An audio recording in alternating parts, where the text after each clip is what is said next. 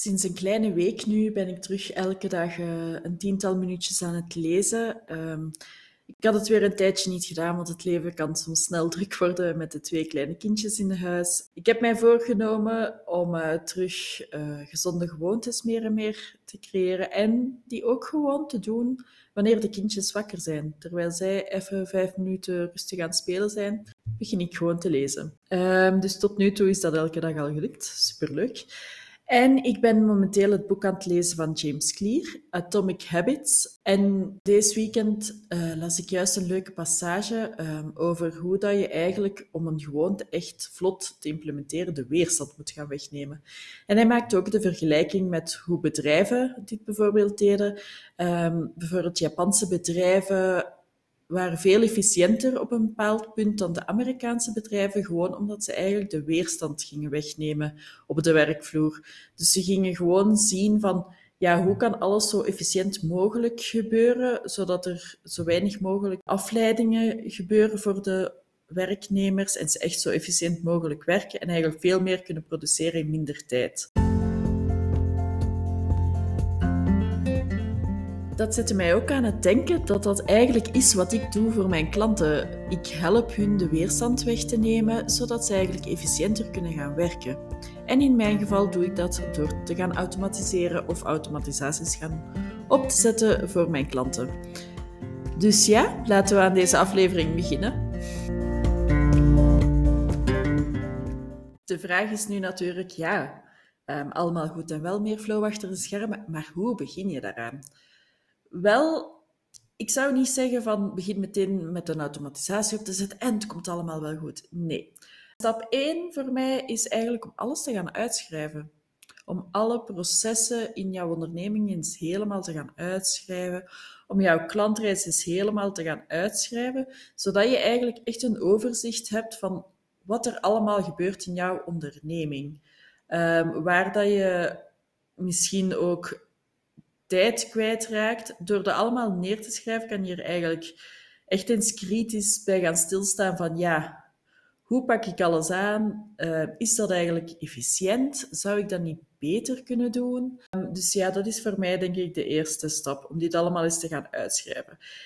En uh, zelf doe ik dat eigenlijk uh, snel al in Trello of in Notion, omdat je dan echt ook meteen alles ergens in een database hebt staan.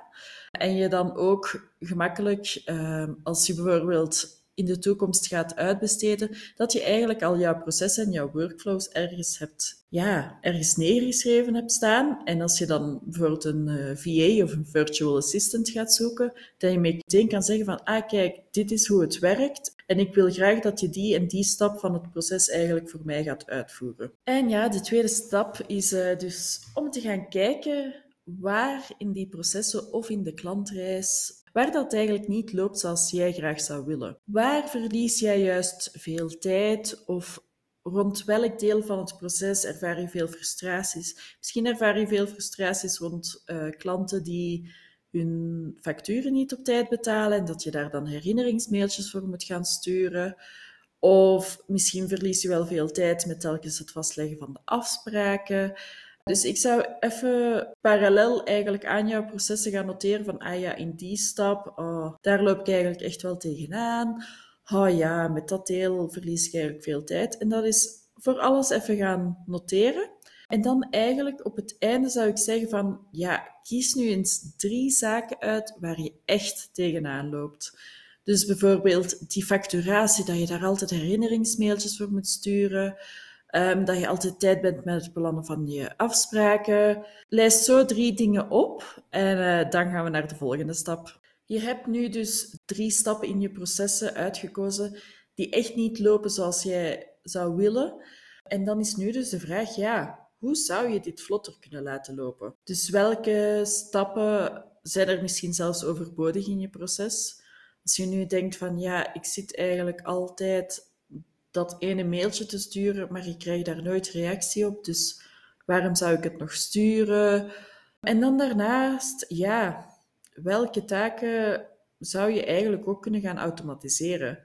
Bijvoorbeeld loop je er tegenaan dat je altijd uh, heen en weer zit te mailen voor een afspraak. in te plannen, ja, dan zou ik zeggen, zoek je een automatische kalendertool en zet die op. Dan ga je waarschijnlijk één dag maximaal kosten en dan kan je daarna gewoon rustig verder zonder daar altijd mee bezig te zijn. Die tools sturen vaak ook nog eens de herinneringsmailtjes rond de afspraken, dus ja, je kan daar echt veel tijd mee gaan winnen. Of ja, we hadden het ook over het, uh, eerder over het puntje van de facturen en dat dat niet betaald wordt. Er zijn heel veel facturatietools die ook automatisch, die mailtjes gaan sturen. Um, als je nu na de laatste stap dan een idee hebt van hoe je dit vlotter zou kunnen laten lopen, maar je toch nog een beetje vastloopt over ja, hoe zou ik daar nu mee aan de slag gaan, uh, dan zijn er denk ik twee opties. Uh, de eerste is ja, YouTube-filmpjes kijken en dan ga je waarschijnlijk de oplossing na een tijdje ook wel vinden. Misschien na een beetje frustratie, maar uh, je komt er even goed. Of de andere optie is ja, hulp gaan zoeken. wie zou je hierbij kunnen helpen? Bijvoorbeeld, um, als je beslist hebt van ja, ik zou toch wel graag een automatische kalender laten opzetten. En ik denk dat Calendly daar een goede tool voor is. Maar ik heb eigenlijk niet veel zin om dat helemaal uit te zoeken hoe het werkt en dat allemaal op te zetten. Dan kan ik jou bijvoorbeeld helpen. Ik heb het programma Automatisatie Boost. En hiermee doe ik eigenlijk een eenmalige opzet van zulke zaken zodat jij eigenlijk gewoon dat even kan laten opzetten en daarna vlot verder kan. Je ontvangt ook altijd video's natuurlijk op het einde die uitleggen hoe dat jij makkelijk zelf een aanpassing kan laten doen, want anders ben je er ook niet zoveel mee. Nu denk je van, ja, ik loop eigenlijk vooral uh, er tegenaan van hoe je eigenlijk zelf kritisch naar die processen kijkt en hoe dat je die echt kan gaan optimaliseren. Ik heb ook echt geen idee van hoe dat je dat allemaal aanpakt. Dan zou ik zeggen, boek een automatisatiestart bij mij in. Um, daarbij gaan we eigenlijk eens kritisch samen naar jouw workflows kijken en kijken waar dat er mogelijkheden zijn om te gaan optimaliseren of te automatiseren. En op het einde ontvang je dan ook nog drie concrete tips om mee aan de slag te gaan. Dus kleine automatisatiestaken die je zelf zou kunnen laten uitvoeren. En als je het daarna toch nog wilt laten uitvoeren, kan ik natuurlijk ook een offerte op maat nog maken. Nu, tot daar het salespraatje. Nu, wat ik ook nog graag wil meegeven, ja, je ziet al wel als je dit nu doet, dat je snel al een aantal taken eigenlijk zou kunnen gaan automatiseren en je daar veel tijd mee zou kunnen winnen. En als je daar tijd mee kunt winnen en dus efficiënter gaat werken, heb je meer tijd om te gaan focussen op groei en meer omzet. Wat als je nu elke maand eens een dagje ervoor zou uitrekken om eens kritisch naar jouw processen en jouw klantreis te gaan kijken? Of misschien elke drie maand, maar dat je daar echt een vast moment voor inplant, zodat je altijd eigenlijk je onderneming nog efficiënter gaat doen lopen en nog beter gaat doen lopen, zodat je nog meer klanten kan gaan helpen of ze beter kunt gaan helpen. Ik denk dat dat uh, ja, echt een grote tijdswinst en ook een grote omzetwinst kan uh, betekenen voor jou. Dus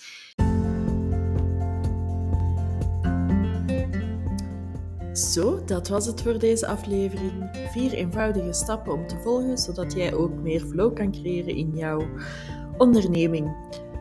Denk je nu van, ik weet toch niet uh, of ik hiermee voldoende heb? Volg me dan zeker ook even op Instagram onder melissa.josephine voor meer tips. Ciao!